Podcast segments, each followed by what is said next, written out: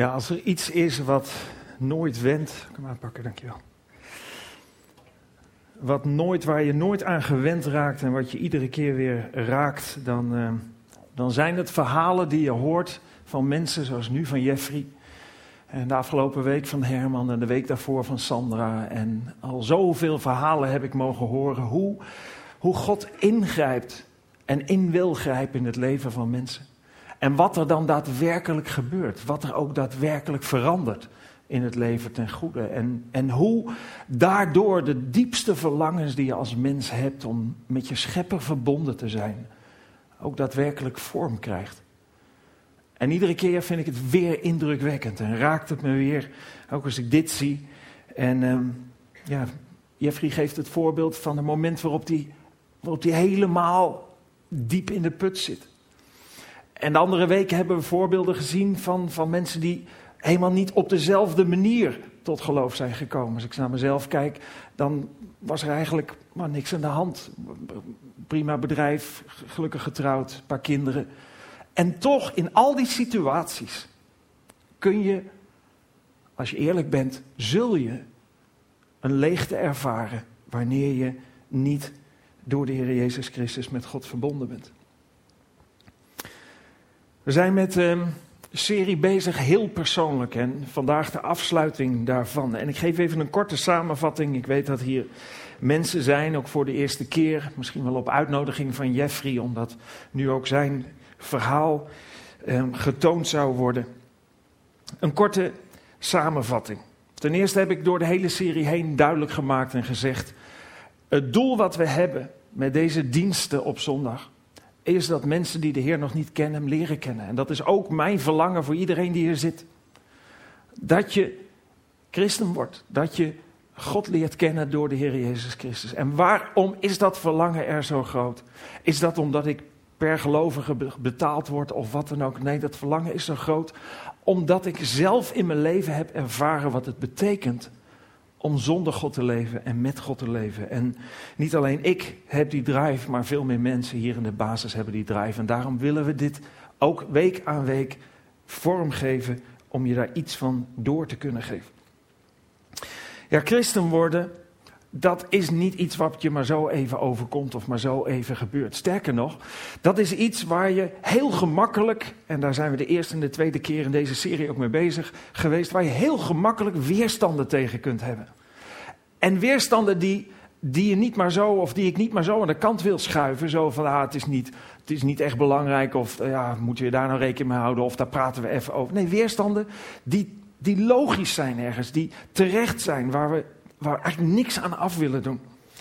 En we hebben de afgelopen weken daar een paar van genoemd. Bijvoorbeeld de weerstand of, of dat wat je bezig kan houden. Dat je zegt, ja, als God liefde is, hoe is het dan in vredesnaam mogelijk dat er zoveel lijden is in de wereld? Dat is heel relevant, die vraag. Of ik ken mensen die christen zijn en ik moet er niet aan denken dat ik zo word. Of de exclusiviteit van Jezus die zegt: Ik ben de weg, de waarheid en het leven. Niemand komt tot de Vader dan door mij. Sorry, maar dat is mij toch een beetje te exclusief. Waarom hij alleen? Of wat ik weet van een kerk en van God en al soort dingen, dat zijn een hoop regeltjes en dit mag wel en dat mag niet en zus moet je en zus.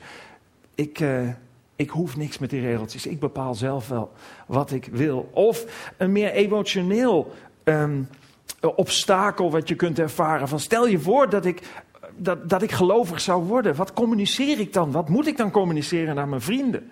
Of naar mensen in mijn klas? Of, of wat communiceer ik daarmee naar mijn ouders of naar mijn grootouders waar ik groot respect voor heb, maar die niet gelovig zijn? Zeg ik dan eigenlijk dat zij niet deugen of het niet goed hebben gedaan? Of het obstakel dat Jezus zegt dat hij gestorven is voor onze zonde. Misschien zeg je, nou, er hoeft niemand te sterven voor mijn zonde. Ik los mijn eigen problemen wel op. Of misschien zeg je, ik heb er gewoon geen behoefte aan. Ik ben er helemaal niet mee bezig. Als ik aan jou vraag, waarom word je geen christen, zou je kunnen zeggen, ja, waarom word jij geen astronaut? Of, of waarom ga je niet de hele dag op één been staan? Het, het, ik ben er niet mee bezig, het interesseert me gewoon niet. Die obstakels zijn er, en die obstakels zijn ook maar niet zo weg. Je zou intellectueel niet oprecht zijn wanneer je zou zeggen: Nou, ik schuif het gewoon even aan de kant en dan ga ik nu christen worden. Dat werkt zo niet. Maar het heeft ook niet zoveel zin, blijkt, om met je in discussie te gaan over al deze dingen. Of om je de preken of boeken over te geven of wat dan ook. Want al zou je al die weerstanden stuk voor stuk afvinken, dat maakt je geen gelovige, dat maakt je geen christen.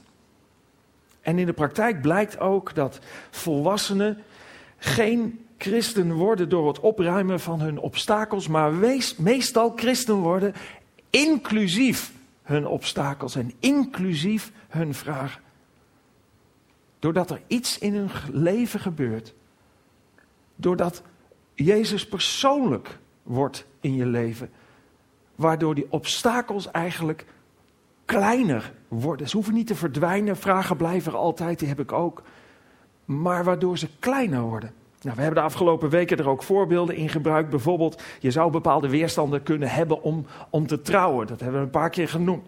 dat rijtje van, nou wat zou weerstand kunnen zijn? Ja, ik wil niet trouwen, want die vrijheid, ik wil mijn vrijheid niet kwijt. Daar begin ik echt niet aan. Dus misschien ben je nu nog een happy single en denk je, nou, uh, die vrijheid, dat lijkt me heel goed, dat moet ik vasthouden. Of die belofte van trouw, tot de dood ons scheidt, dat vind ik wel heel erg lang en heel erg zwaar. En dat, laat maar voor mij. Of dat, je, of dat je denkt van, trouwen dat betekent dat je je geld met de ander moet delen. Ik kan nu nog niet eens rondkomen met mijn geld, dus hoe moet dat in vredesnaam als ik dat ook nog met iemand moet gaan delen? Of ik ken andere getrouwde mensen en daar word ik niet gelukkig van wat ik daar zie. Laat dat voor mij maar zitten. Of ik ben nog te jong. Of het voorbeeld wat we gaven van, ja, je schuift de ring aan de vinger van je vrouw en onderwijl zie je een dame van de catering voorbij komen en denk je, wow, had ik daarop gewacht. Dus als ik later de ware tegenkom, wat dan? Maar we trouwen wel. En we trouwen ook inclusief dit soort gedachten en obstakels. En hoe komt dat dan? Dat we wel trouwen uiteindelijk omdat we verliefd worden. Omdat liefde een rol gaat spelen. En als je niet verliefd bent, kun je heel abstract praten over deze dingen. Is allemaal ver van je bedshow en dan kun je allemaal redenen hebben, noem maar op.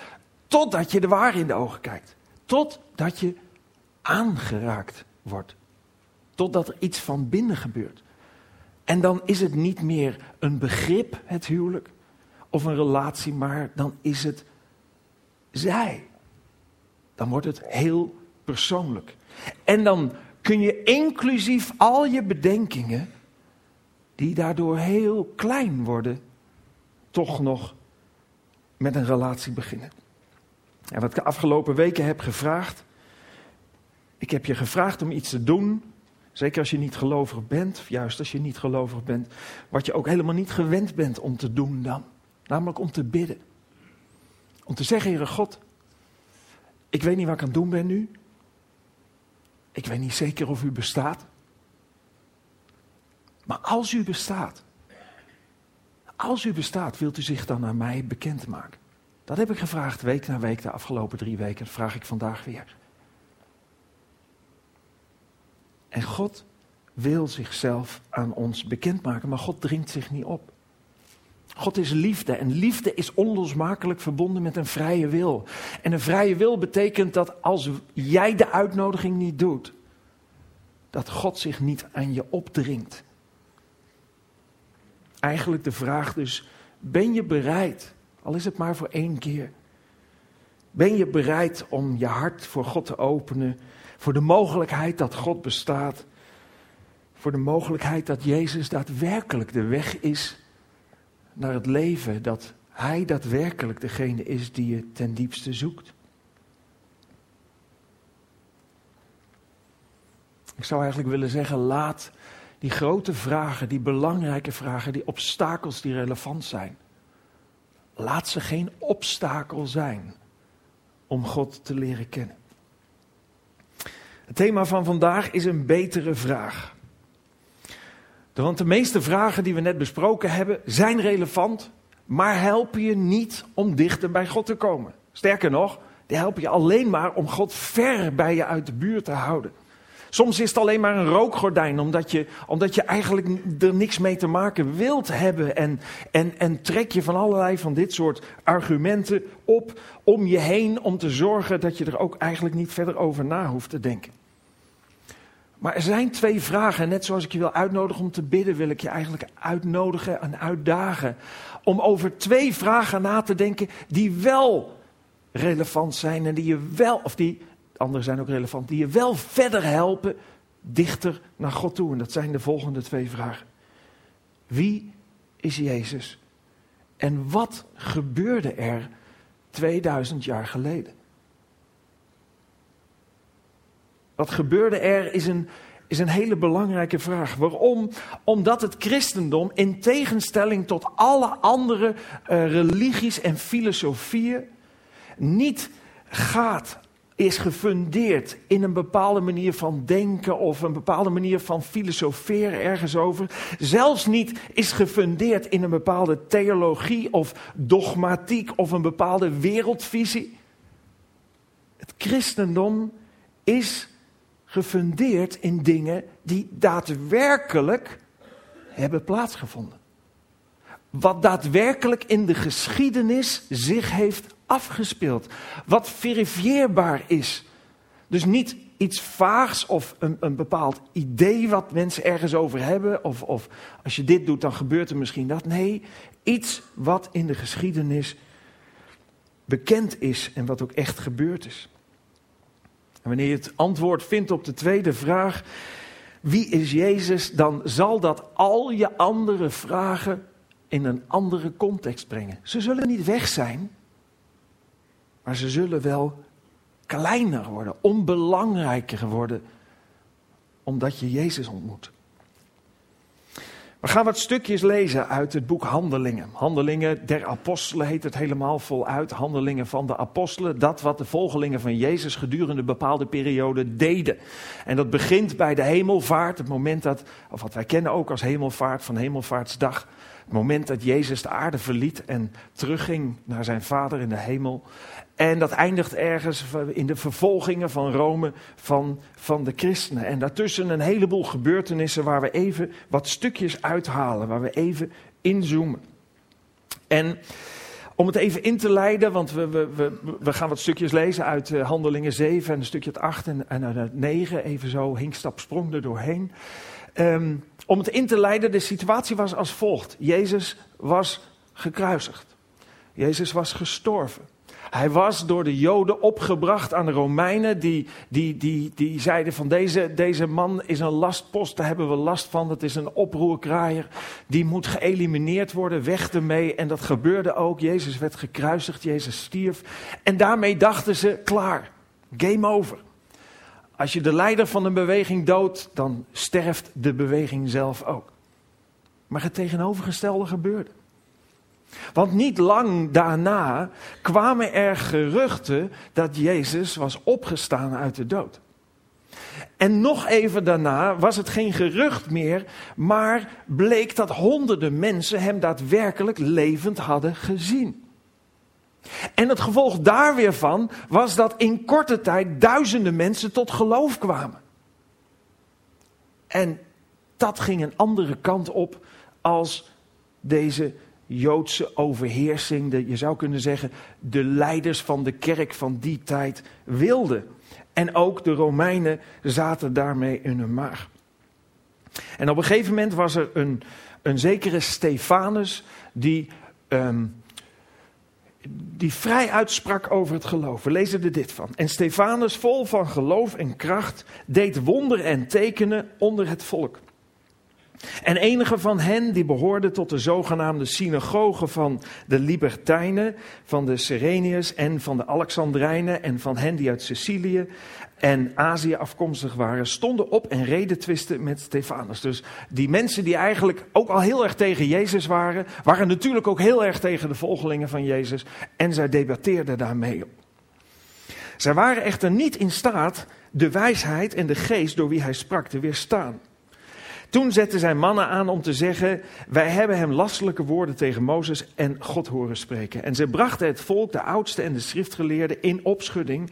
En zij kwamen op hem af, grepen hem en brachten hem voor de raad. Dat was het Sanhedrin. Er was toen geen scheiding van kerk en staat, dat was één. En de religieuze leiders uh, hadden ook uh, de uitvoering van de wet, dus dat was de recht uh, rechterlijke macht ook meteen. En hij werd voor die geestelijke raad gebracht, dat Sanhedrin. En zij lieten valse getuigen optreden. Dat was ook nodig, want er was geen speld tussen zijn verhaal te krijgen.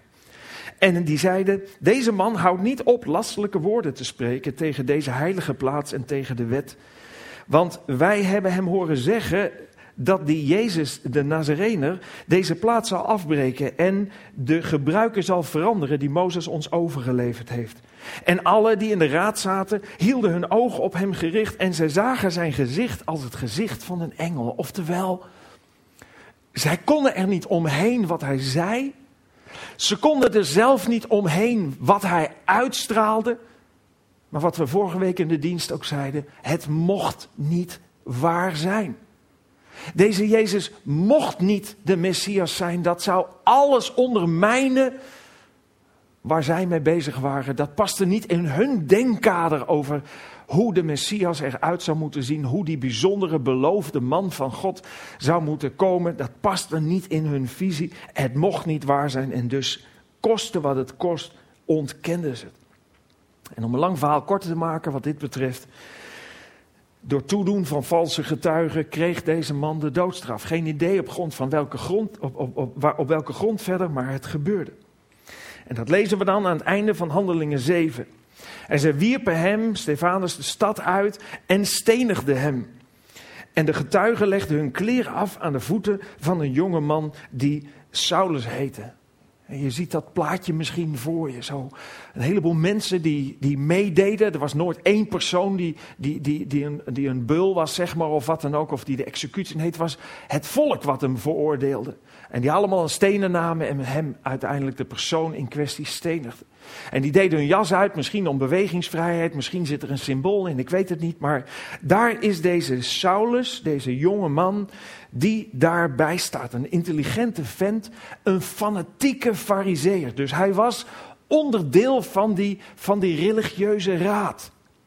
Die ook deze Stefanus veroordeelde, die ook Jezus veroordeeld had. En hij ja, hij ging er helemaal voor om te zorgen dat die beweging, die christenen, dat dat de kop werd ingedrukt. En uh, voor hem was, uh, was het jachtseizoen open, zou je kunnen zeggen. Dit was het begin om de vervolgingen in te zetten. En we lezen dan ook verder in hoofdstuk 8, vers 1. En Saulus stemde in met zijn dood. En er ontstond op die dag een grote vervolging tegen de gemeente die in Jeruzalem was. En ze werden alle verspreid over de landstreken van Judea en Samaria, behalve de apostelen die bleven in Jeruzalem achter. Mensen sloegen op de vlucht voor deze agressiviteit, voor deze vervolging. Ze vluchtten Jeruzalem uit over heel Israël en later nog veel verder. En wat gebeurde er? Lezen we iets verder. Zij dan, die overal verspreid waren, trokken het land door en verkondigden het woord. Dus ze werden uit Jeruzalem gejaagd om daarmee de vervolging eigenlijk te ontlopen.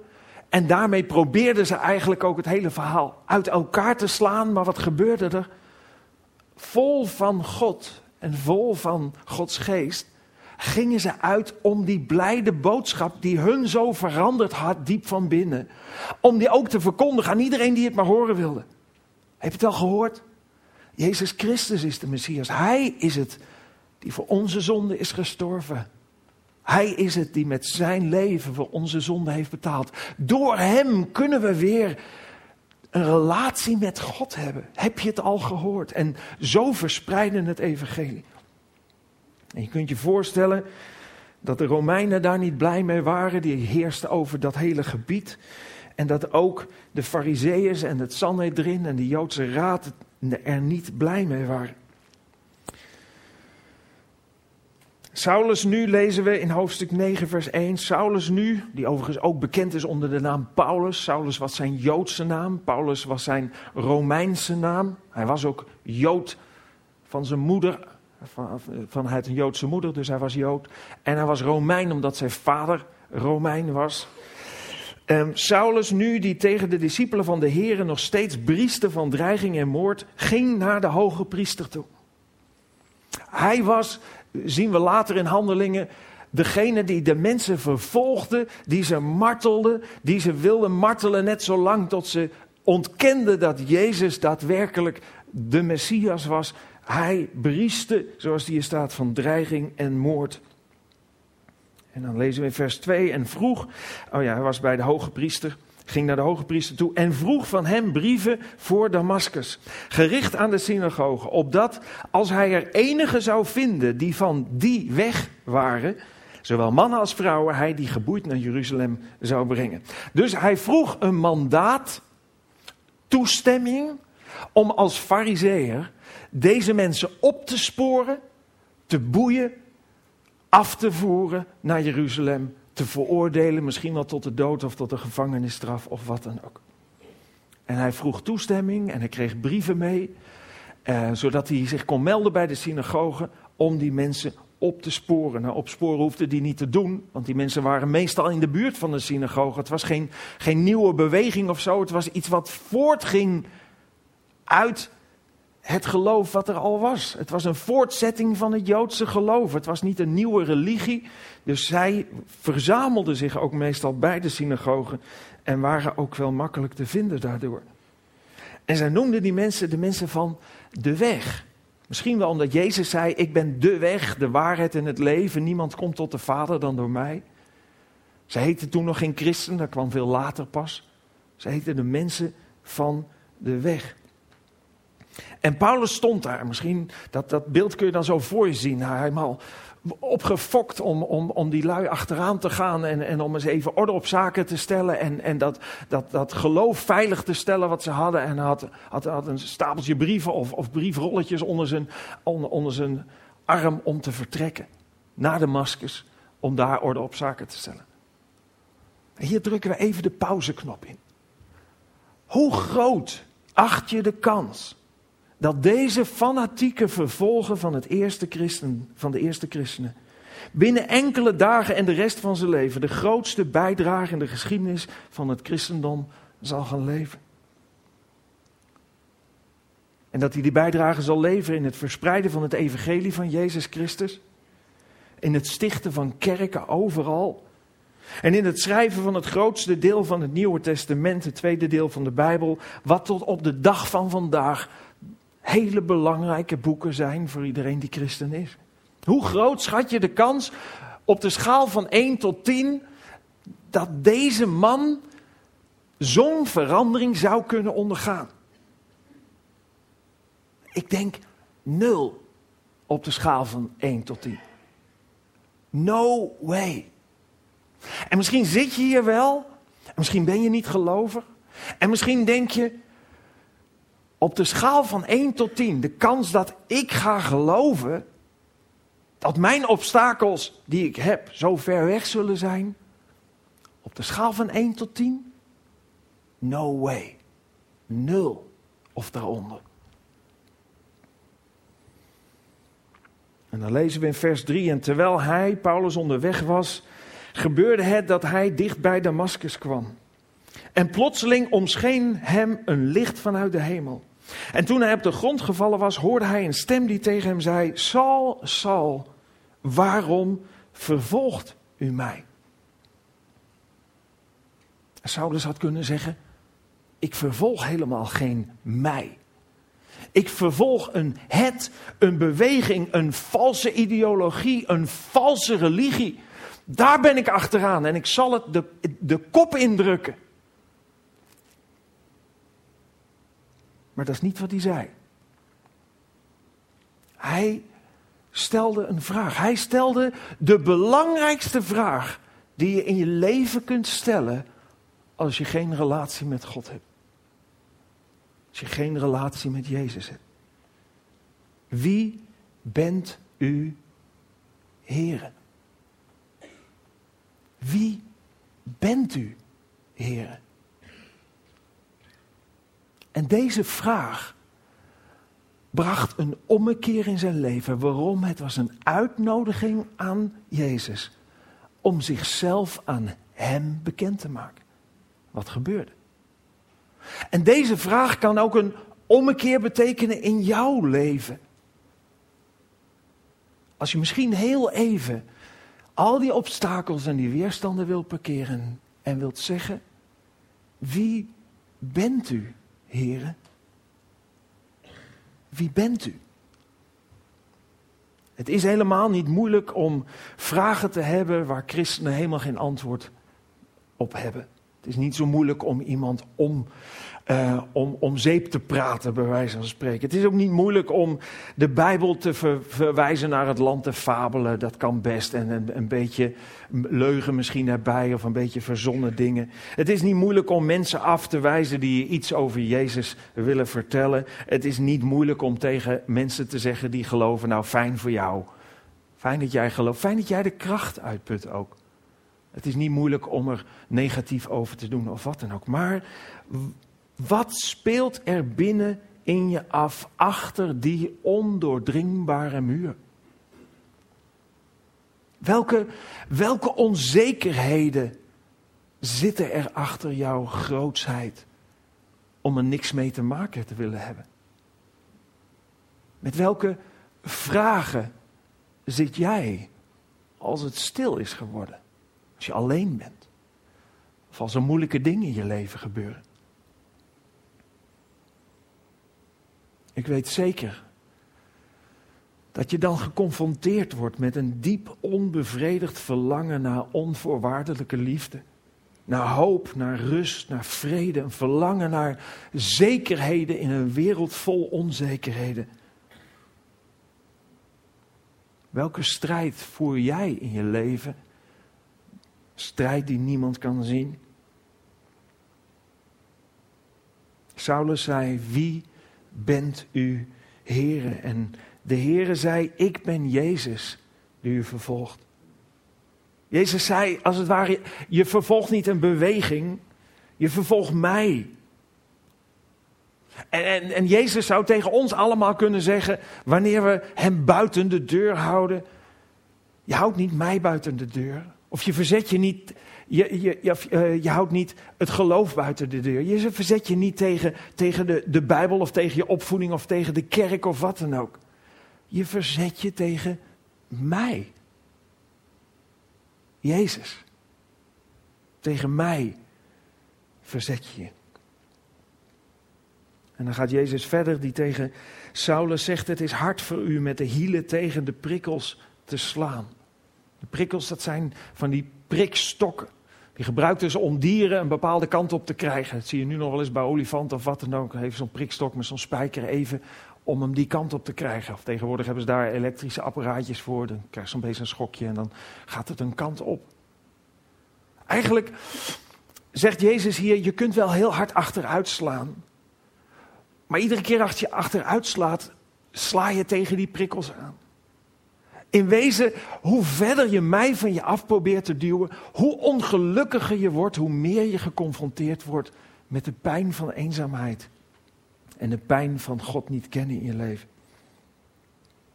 En Jezus zei er ook doorheen, hoe je ook weerstand biedt en probeert te bieden. De kerk zul je er niet mee kapot krijgen. Deze nieuwe beweging blijft. Of deze uh, voortzetting blijft bestaan.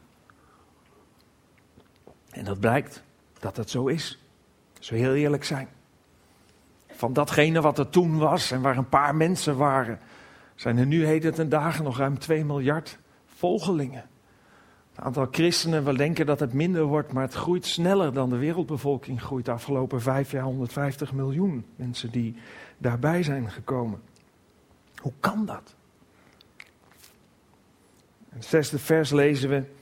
En hij, Saulus, zei bevend en verbaasd: Heere, wat wilt u dat ik doen zal? Saulus had de juiste vraag gesteld. En Jezus had zich aan hem geopenbaard. En de Heer zei tegen hem: Sta op en ga de stad in, en daar zal u gezegd worden wat u moet doen. En de mannen die met, u, met hem meereisden stonden sprakeloos, want ze hoorden wel de stem, maar zagen niemand. En Saulus stond op van de grond en toen hij zijn ogen opendeed, zag hij niemand. En zij leidden hem bij de hand en brachten hem naar Damascus. En gedurende drie dagen kon hij niet zien. En at en dronk hij niet. Helemaal uit het veld geslagen. En ondertussen had Jezus de komst van Saulus in Damascus voorbereid. Want hij had tegen een van zijn discipelen, een van zijn volgelingen, genaamd Ananias, gezegd in een visioen dat deze man zou komen. Ik zou me kunnen voorstellen dat dat lastig is. Jezus zegt van Ananias, je krijgt bezoek. Wow, gaaf weer. Altijd leuk om bezoek te krijgen. Wie is het? Uh, Saulus. Oh, Saul, Saulus? Toch niet. De moordenaar. Saulus die onderweg is om de zaak kapot te maken.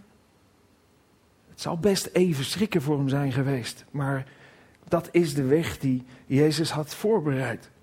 En dan doet Ananias iets wat als je, als je zelf gewend bent te bidden, wat wij ook allemaal wel eens doen. Dan gaan we namelijk God van informatie voorzien. Dan gaan we God vertellen hoe bepaalde dingen in elkaar zitten of, of, bepaalde dingen die gebeuren. En dat doet hij ook. In het dertiende vers lezen we Ananias antwoorden echter, heren, ik heb van velen over deze man gehoord hoeveel kwaad hij, uw heilige in Jeruzalem, gedaan heeft. En hij heeft hier volmacht van de overpriesters om alle gevangen te nemen die uw naam aanroepen. Oh, dat wist ik niet, zei de heren. Oh nee, dat staat er niet. De rest staat er wel allemaal hoor. De rest van de teksten kloppen echt, anders zet ik er een streep door. Natuurlijk, God weet wat hij doet. Hij weet waar hij mee bezig is. Je kunt hem vertrouwen. God is betrouwbaar en dat blijkt iedere keer maar weer. Want wat lezen we verder in vers 15? Maar de Heere zei tegen hem: Ga, want deze is voor mij een uitverkoren instrument om mijn naam te brengen naar de heidenen en de koningen en de Israëlieten. En precies dat is gebeurd. God had een plan met zijn leven. En hij stelde zich open voor God. God openbaarde zich aan hem. De Heer Jezus openbaarde zich aan hem. En hij werd een ontzettend belangrijk werktuig in Gods hand. En dan lezen we in vers 17. En Ananias ging heen en ging het huis binnen. Ik denk dat hij best een beetje zenuwachtig is geweest. Om daar die, die gruwelijke, fanatieke moordenaar te treffen. En hij wist dat hij blind was. Misschien heeft hij wel een moment gedacht. Ik ga er niet alleen naartoe, maar met een paar man. En dan tollen we hem een paar keer in de rond. En dan raken we een paar keer heel goed. En dan vertellen we hem het goede nieuws. Eventjes. Nou, misschien heeft hij het niet gedacht. Ik denk het eigenlijk niet.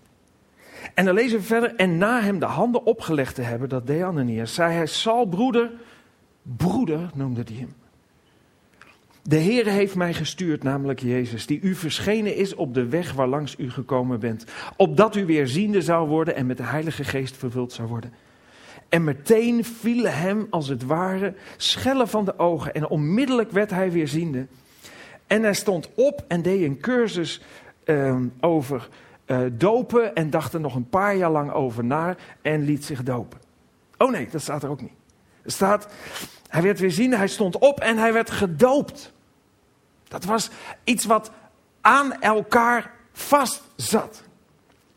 Uh, de hele Bijbel door zie je dat. De oproep bekeer je en laat je dopen. En hij deed dat nog voordat hij zelfs gegeten had, terwijl hij drie dagen niet had gegeten. Bekeer je en laat je dopen. Dat is eigenlijk de oproep aan ons allemaal. Bekeer je en laat je dopen. En lezen we verder in het negentiende vers. En toen hij voedsel genomen had, sterkte hij aan. En Saulus verbleef enige dagen bij de discipelen in Damascus. En meteen predikte hij Christus in de synagoge dat hij de zoon van God is. Kun je je voorstellen dat dat gebeurt? Hoe moeten die mensen zich gevoeld hebben? Die waren doodsbenauwd voor deze vent. En nu kwam hij in, in die synagoge. Nou, waarschijnlijk zijn daar weinig gelovigen geweest toen hij onderweg was. Maar misschien ook nog wel een paar die om een hoekje meekeken. Dat ze nog net op tijd konden vluchten. En ze hoorden hem het evangelie verkondigen. Hij was niet alleen ziende geworden fysiek. Hij was ook geestelijk gaan zien. En waarom? Waarom was hij tot dit punt gekomen? Hoe kon dat zo snel gebeuren? Dat hij zei, wie bent u, heren? Heer, ik wil, ik wil u liever leren kennen dan antwoorden op al mijn vragen. Wie bent u, heren?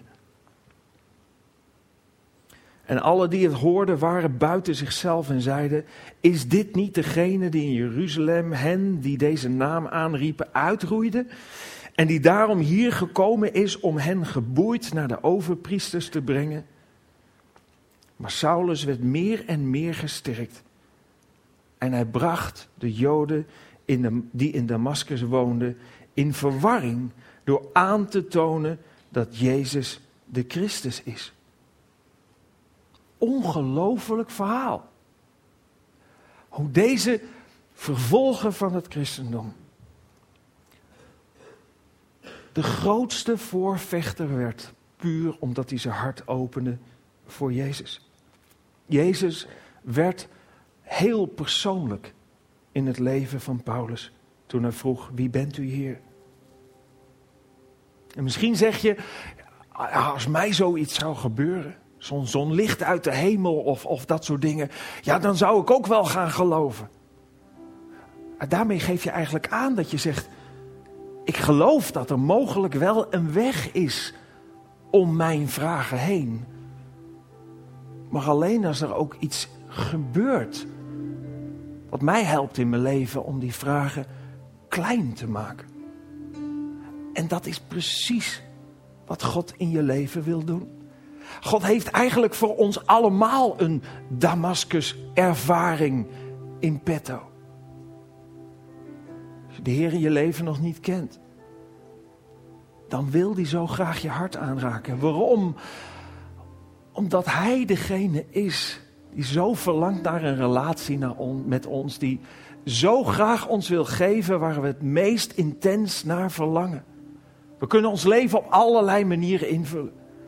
We kunnen onszelf best bezighouden met geluk zoeken in, in, in van allerlei dingen, in rijkdom of in seksualiteit of in, in bezit of in, in, een, in een status of in macht of wat dan ook. Maar het heeft allemaal een hele korte houdbaarheid. En steeds opnieuw kom je weer terug bij dat punt waarop je wordt geconfronteerd met die leegte.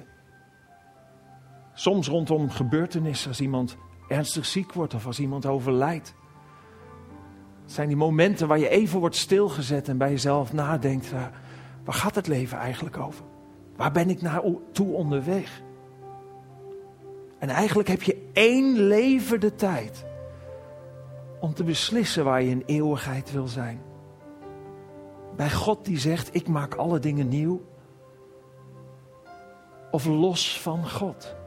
Daar waar geen vrede en geen rust en geen genade en barmhartigheid is. En daarom wil ik je oproepen. En vragen.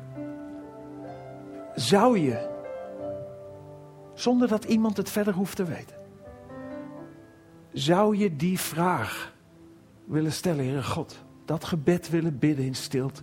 Heer God, ik weet niet wie u bent. Ik ken u niet. Ik weet niet eens of u bestaat. Misschien praat ik wel in de lucht, maar als u werkelijk bestaat, als u de vervulling bent van mijn diepste verlangens en mijn zoektocht naar geluk, Wilt u zichzelf dan aan mij openbaren? Ik wil u liever leren kennen dan antwoord vinden op al mijn vragen. Laten we bidden. Dank u wel, Heere God. Dat we mogen weten dat u van ons houdt, van ons allemaal. Wat we ook op onze kerfstok hebben, wat er ook mis is gegaan in ons leven. Dank u wel, Heere Jezus, dat u naar deze aarde kwam. En dat u ervoor gekozen heeft om te willen sterven voor onze zonde, omdat we de prijs van onze schuld niet zelf konden betalen. Dank u wel dat u uw hand naar ons uitstrekt en zegt: Ik zie je zitten. Ik ken je naam. Ik weet wie je bent. Ik hou van je. Ik wil u zo danken, Heer, dat we mogen weten dat u ons zo graag wil redden uit deze duisterheid. Heer, en ook al ervaren we dat soms niet zo nadrukkelijk, omdat we met van allerlei dingen bezig zijn die ons bezighouden, dan zijn er toch momenten ook in ons leven, als die er niet zijn, komen ze er. waarop we bij die vragen worden stilgezet. Waar gaat het eigenlijk over? Waar ben ik naartoe onderweg? Ik wil je gelegenheid bieden zoals je hier zit om in een moment van stilte dit zelf tegen God te zeggen. Heere God, wie bent u? Als u bent wat ik over u hoor, dan wil ik u leren kennen in mijn leven. Je mag het in stilte zeggen.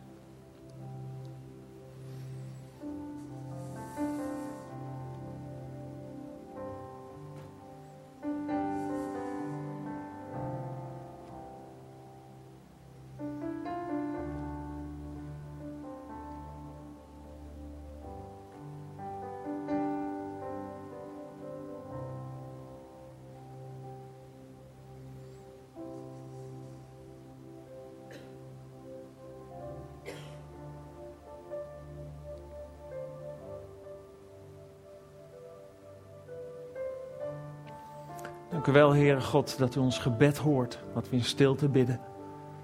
Dank u wel dat ik zeker mag weten dat u en iedereen die je uitnodigt in het leven zult uitwerken.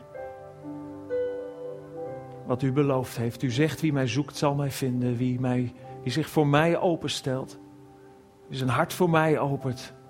Bij die zal ik binnenkomen. Dank u wel, Heere God, dat u uw belofte altijd waarmaakt dat het niet iets vaags is, maar dat het zo in de geschiedenis zichtbaar is en ook in het heden en in het hier en nu. Heer, wilt u uw zegenende handen op ons leggen? In Jezus' naam. Amen.